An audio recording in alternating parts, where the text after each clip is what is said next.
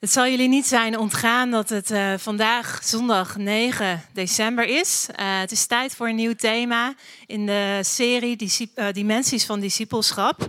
en het is tijd voor ons om discipelen te gaan maken. ik noemde dat tijdens de startzondag al op in een paar days. vatte ik dat toen samen, waar we ons de komende tijd op gaan focussen. Namelijk discipelen dromen, discipelen denken discipelen durven en discipelen doen. De komende drie maanden, dus het komende kwartaal, uh, lopen we eigenlijk door vijf preken heen opnieuw. Een soort van masterclasses heb ik het genoemd, die ons gaan helpen om nog beter te worden in het maken van discipelen, om discipelmakers te worden. En wie wil dat nou, nou niet, dacht ik. ik in ieder geval wel. En het is ook best een uitdagend uh, thema. Uh, want doe jij het al? Denk je er al over na? Droom je er al van? En durf je het al?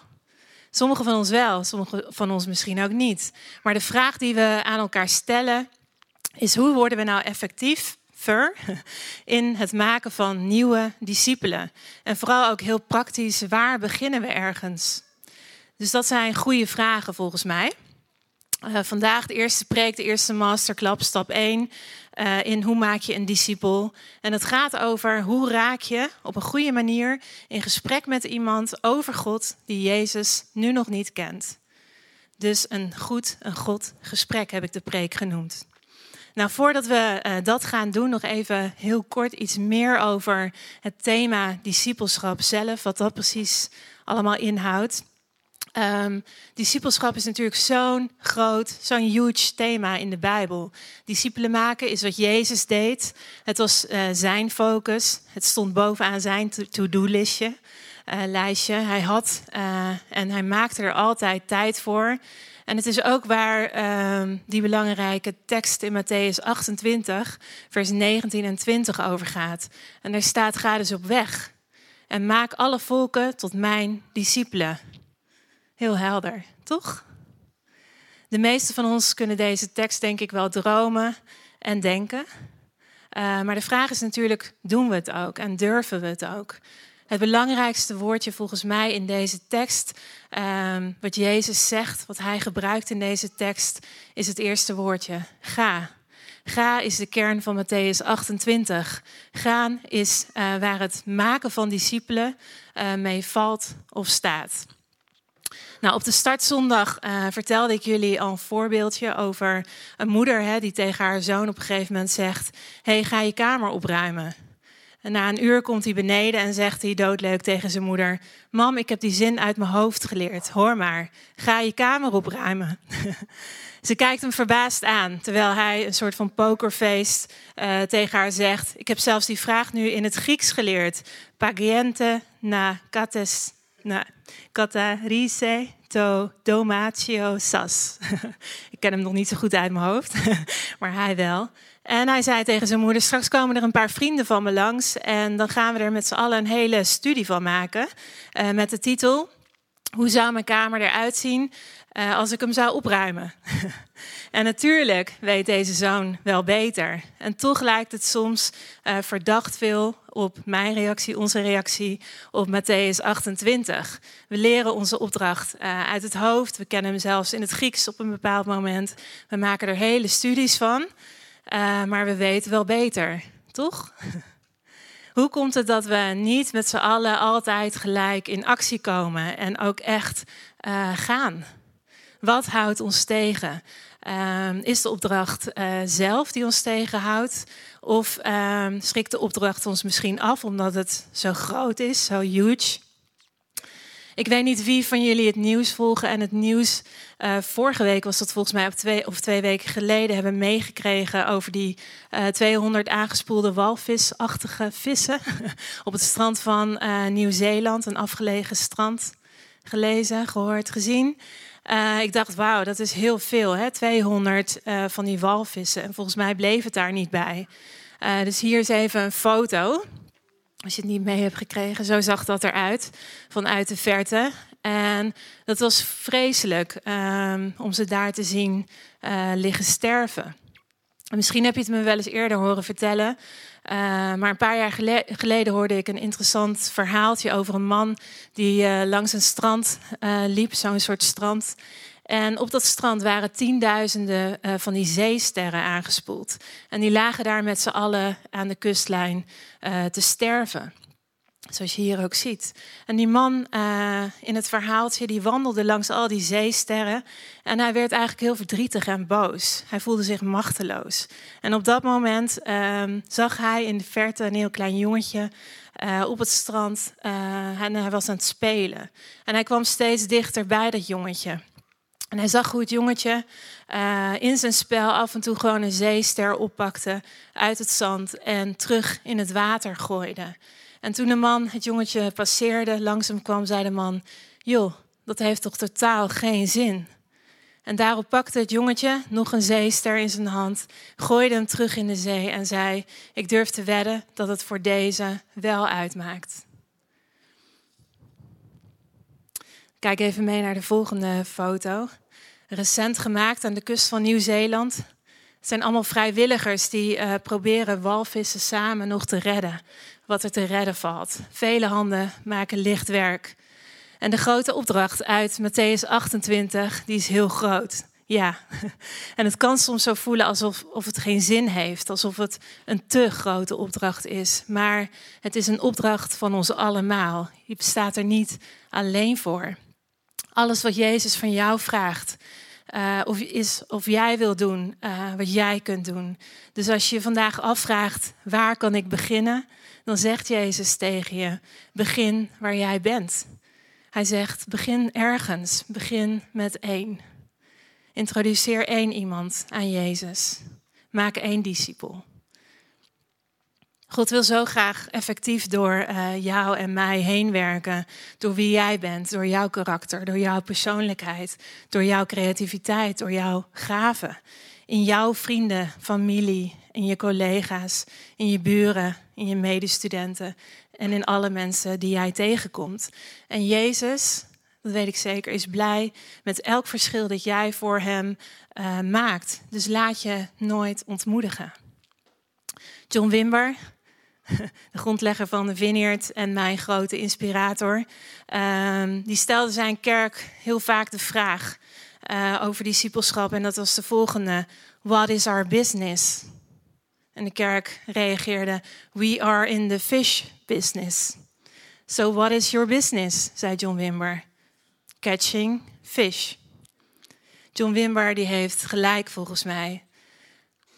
Matthäus 4, een ander hoofdstuk in de Bijbel, vers 19 en 20, dat gaat daar ook over. Jezus die wandelt daar toevallig ook weer langs een strand en hij ziet twee broers die dag, uh, Petrus en Andreas.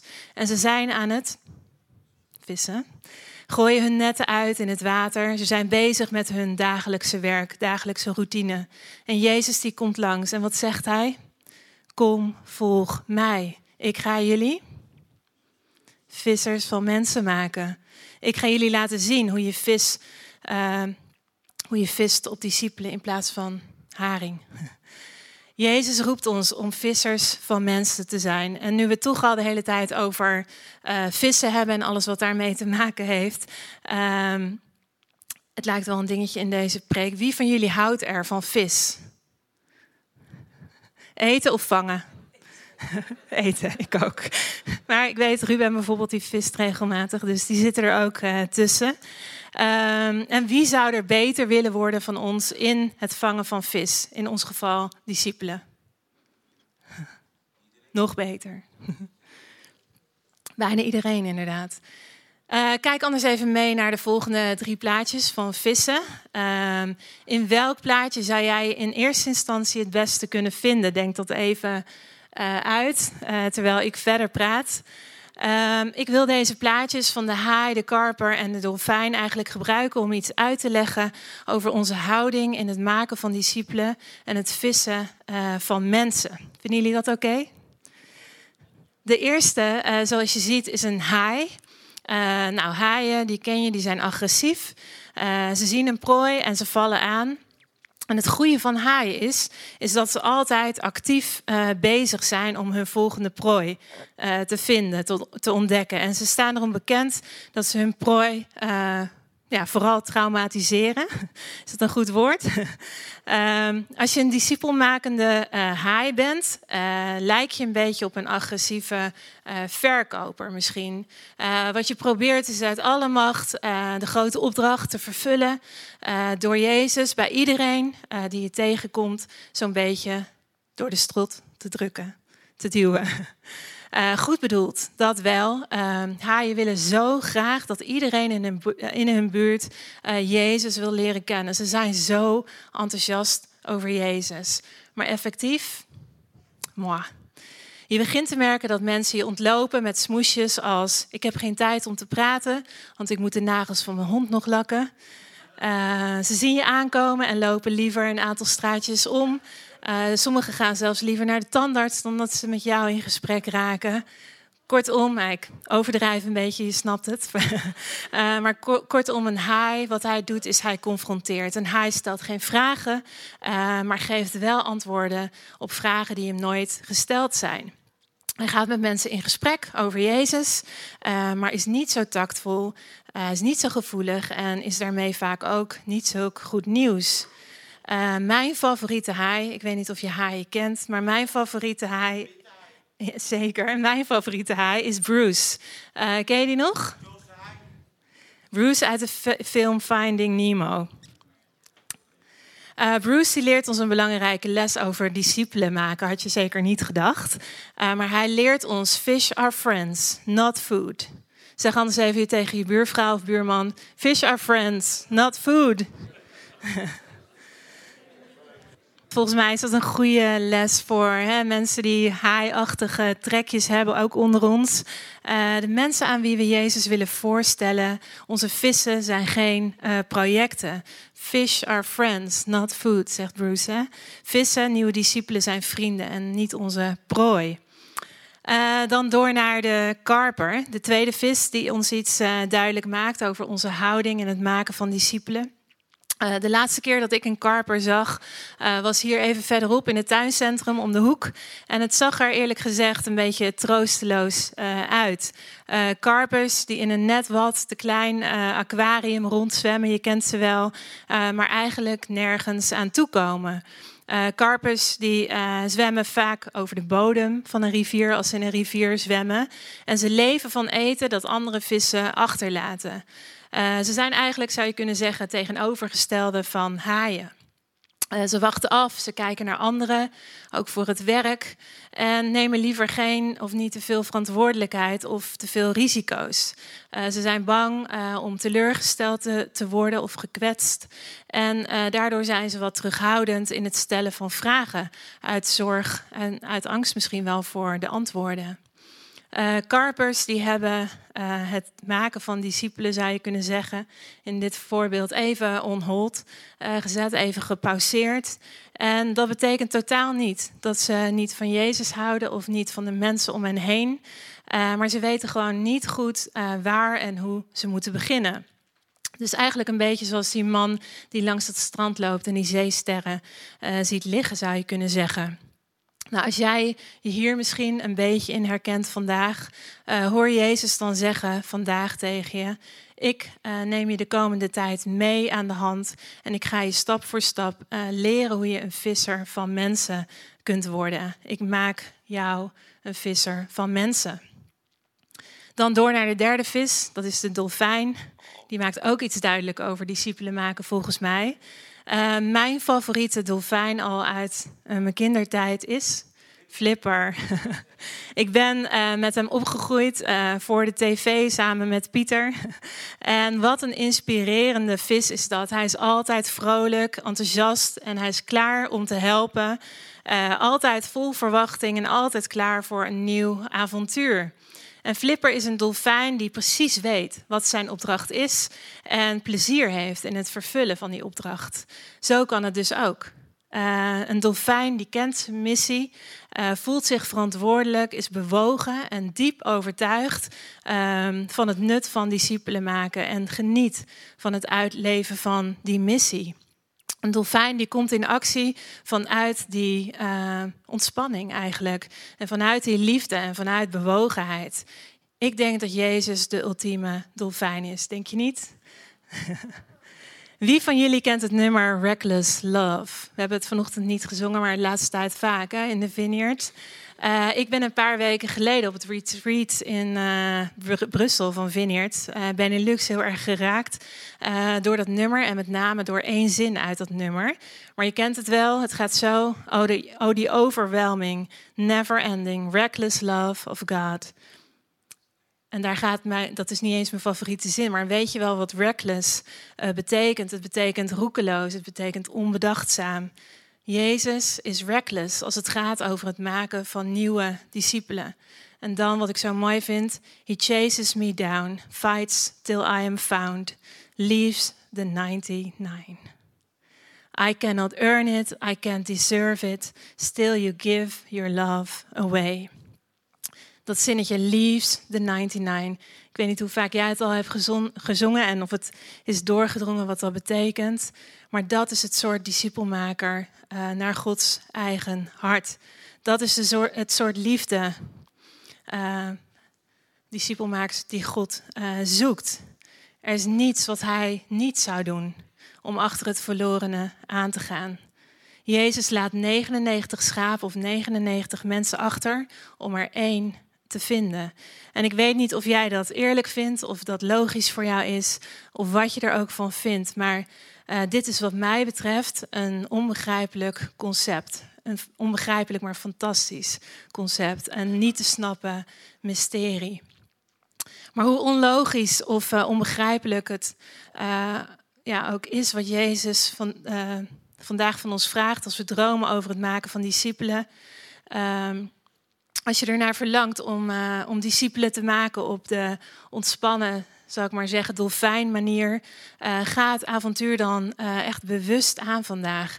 En laat je de komende tijd, als we het hierover hebben, inspireren en uitdagen om de juiste toon te vinden in de gesprekken die je met mensen hebt.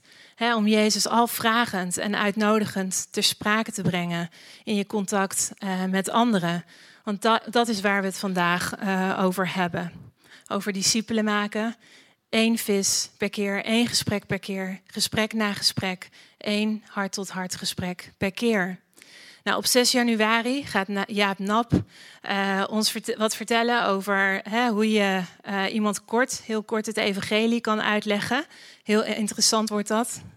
Um, maar voordat het zover is, stellen we elkaar dus eerst de vraag: hoe raken we in gesprek uh, over God met mensen die Jezus nog niet kennen? Nou, kijk eens mee naar het volgende plaatje. Uh, met wie zou jij graag eens willen praten over God? Ik weet niet of je een pen bij je hebt of een telefoon. Uh, maar ik heb het eigenlijk zo in elkaar gezet dat jij staat daar bovenaan. En misschien is het gewoon een idee dat je op dit moment en vanaf nu tijdens de preek drie, uh, drie mensen in je gedachten neemt met wie jij over God zou willen praten. Met, ja, uh, je kunt twee namen invullen of drie, misschien wel vier of vijf. Je mag er ook nog eentje openlaten. Uh, mijn ervaring is dat God je soms nog met nieuwe mensen ook in contact uh, brengt terwijl je dit aan het doen bent, die je nog niet kent. maar denk er maar eens over na. Ik denk dat dit ons gaat helpen focussen op een paar. Zoals ik net al zei, begin bij eentje. Dat deed Jezus ook. Hij focuste op twaalf van zijn beste vrienden. En dat maakte hem een effectieve uh, discipelmaker. Het kan ook zo zijn dat je nou ja, onderweg nog dus dit verder invult. Wie was hier twee weken geleden op uh, zondag uh, toen Mark Petui sprak over de vrouw bij de put? Ik dacht Mark Petui. Die Amerikanen ook, hè? Klinkt gelijk interessant, hè? Partoui. Ik dacht, ik ga mezelf gewoon Janneke Stroehiek noemen.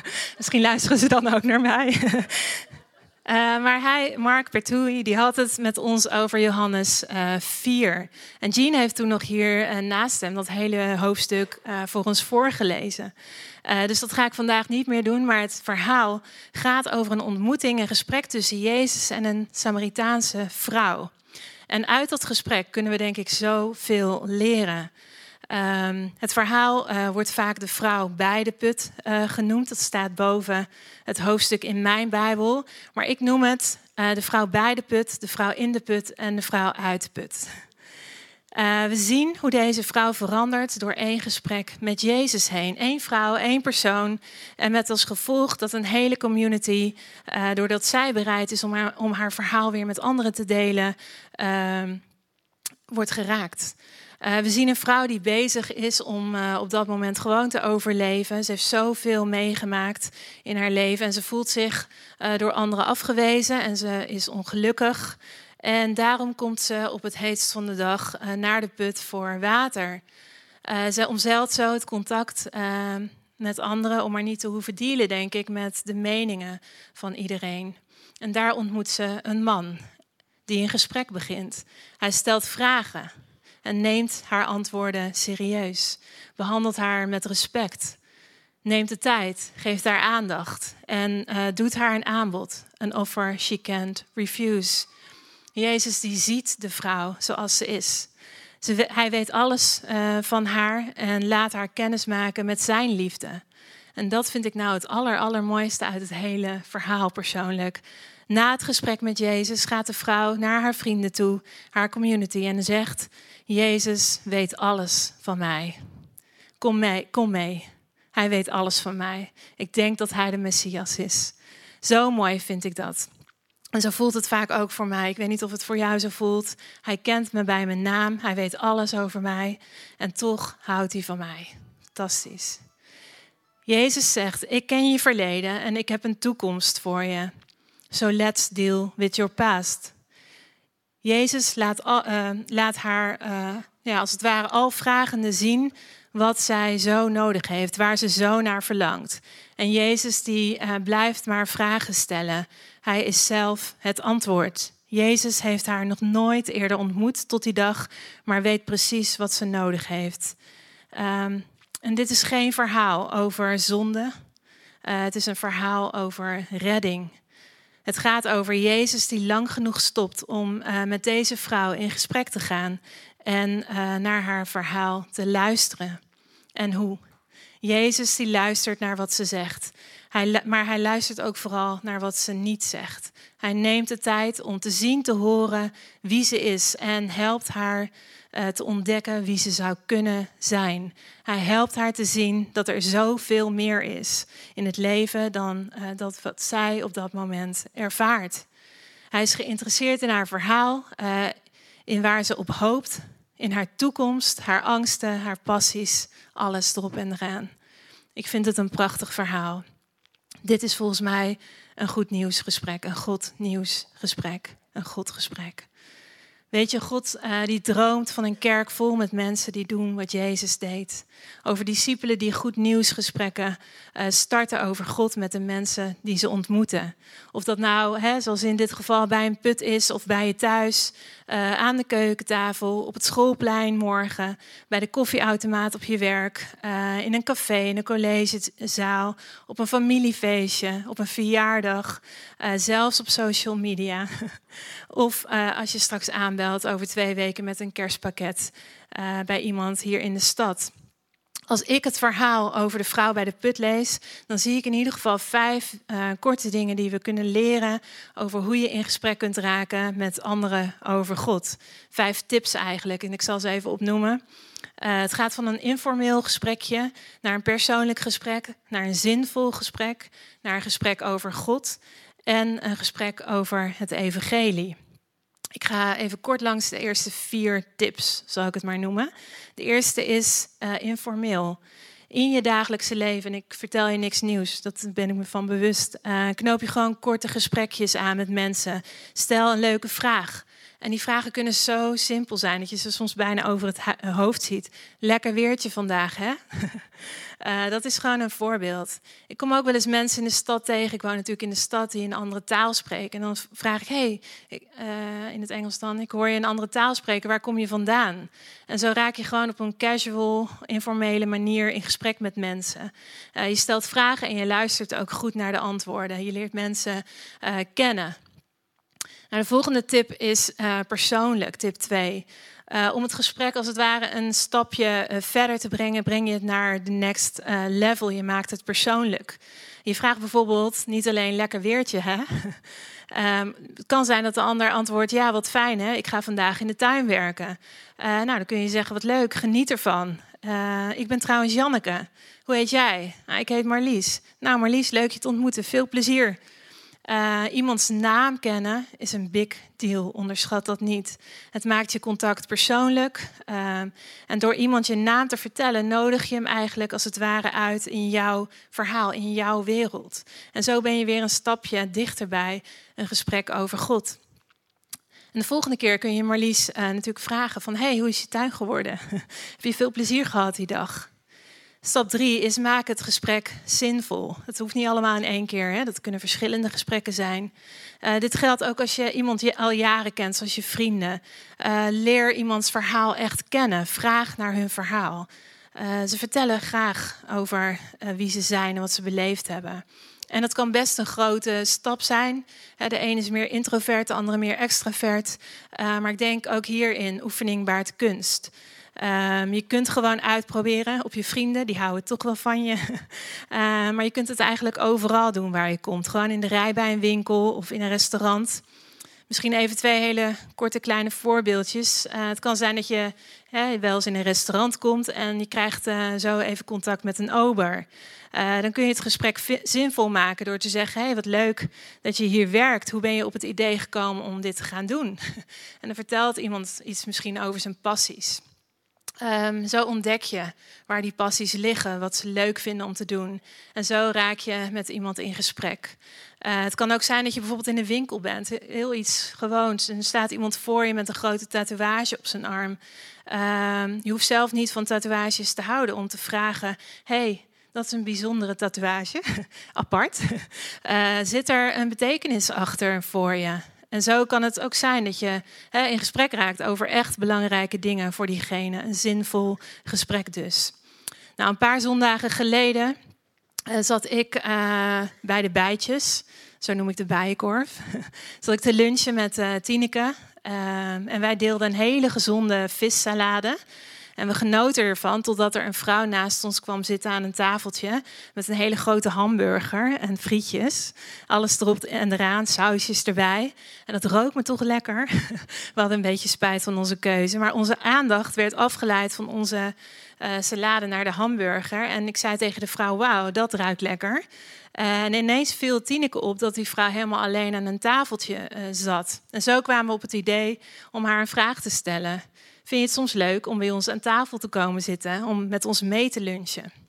En haar antwoord was ja, graag.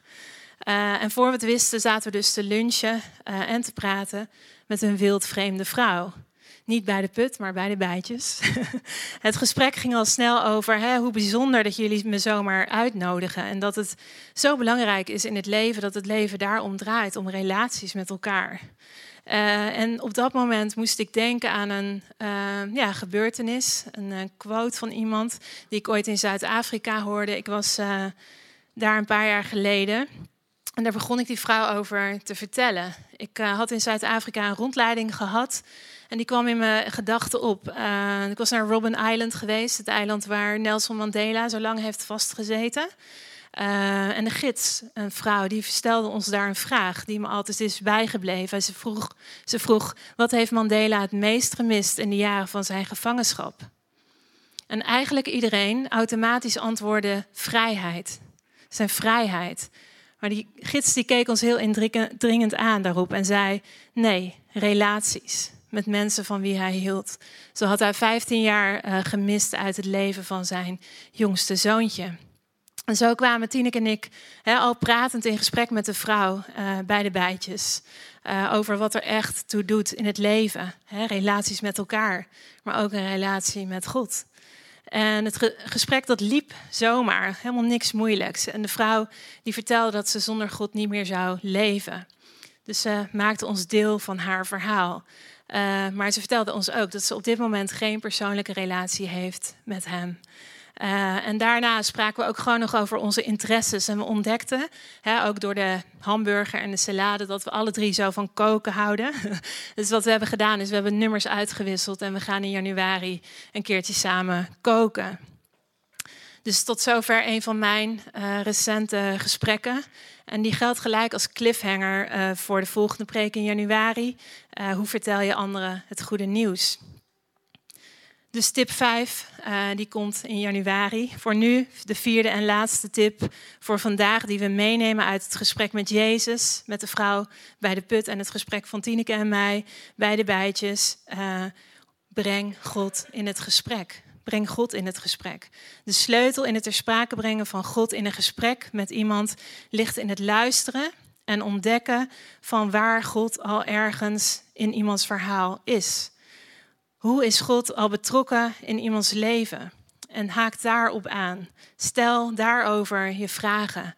En wat je ook voor reactie krijgt, of die nou positief over God is of negatief, uh, het is deel van hun verhaal.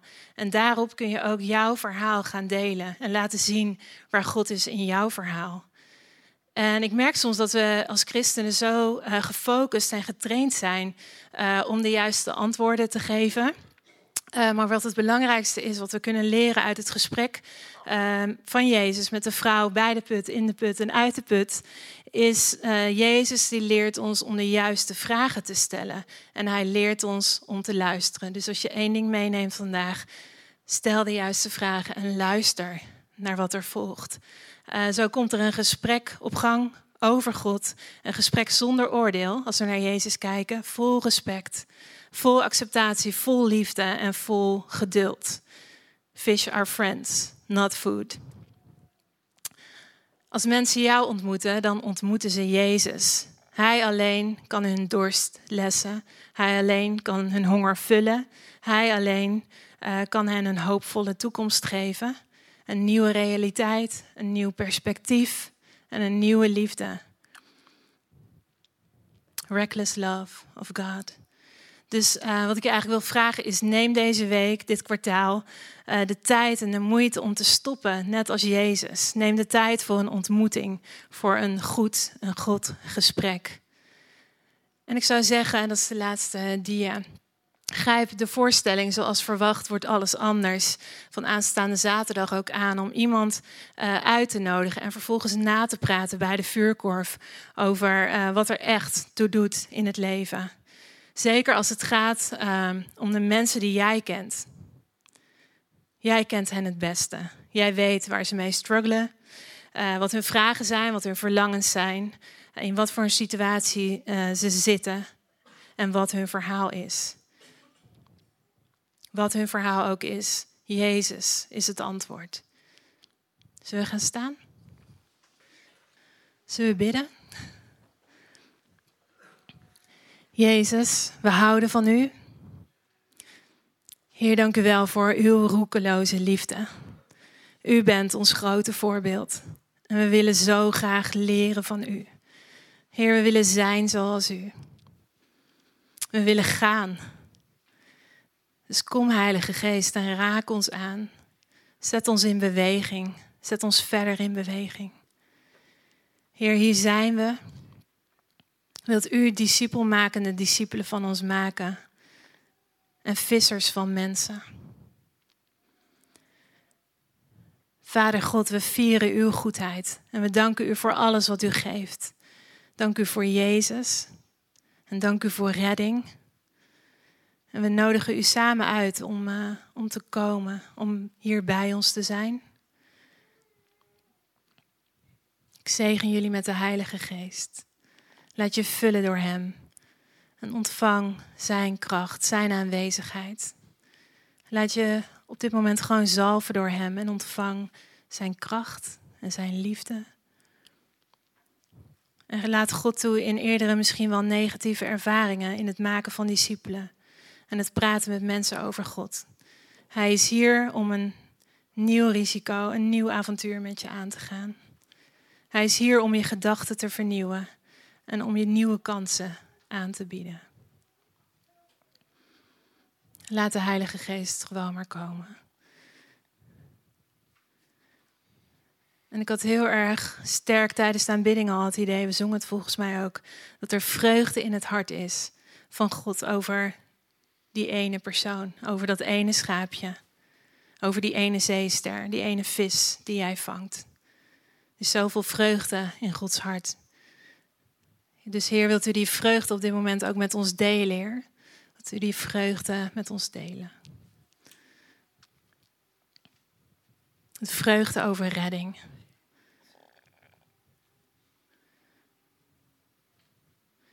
En ik heb het idee hè, dat God ja, sommige van ons vandaag gewoon wil aanraken als het gaat over discipelen maken. Dat hij opnieuw wil uitdagen. En hij zegt allereerst, ik hou van jou. Je bent, je bent geliefd. Heer, wilt u met ons uw liefde delen?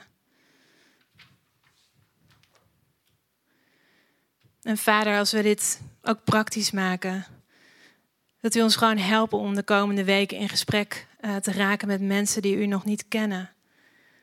Geef ons moed, Heer, om uh, mensen aan u voor te stellen.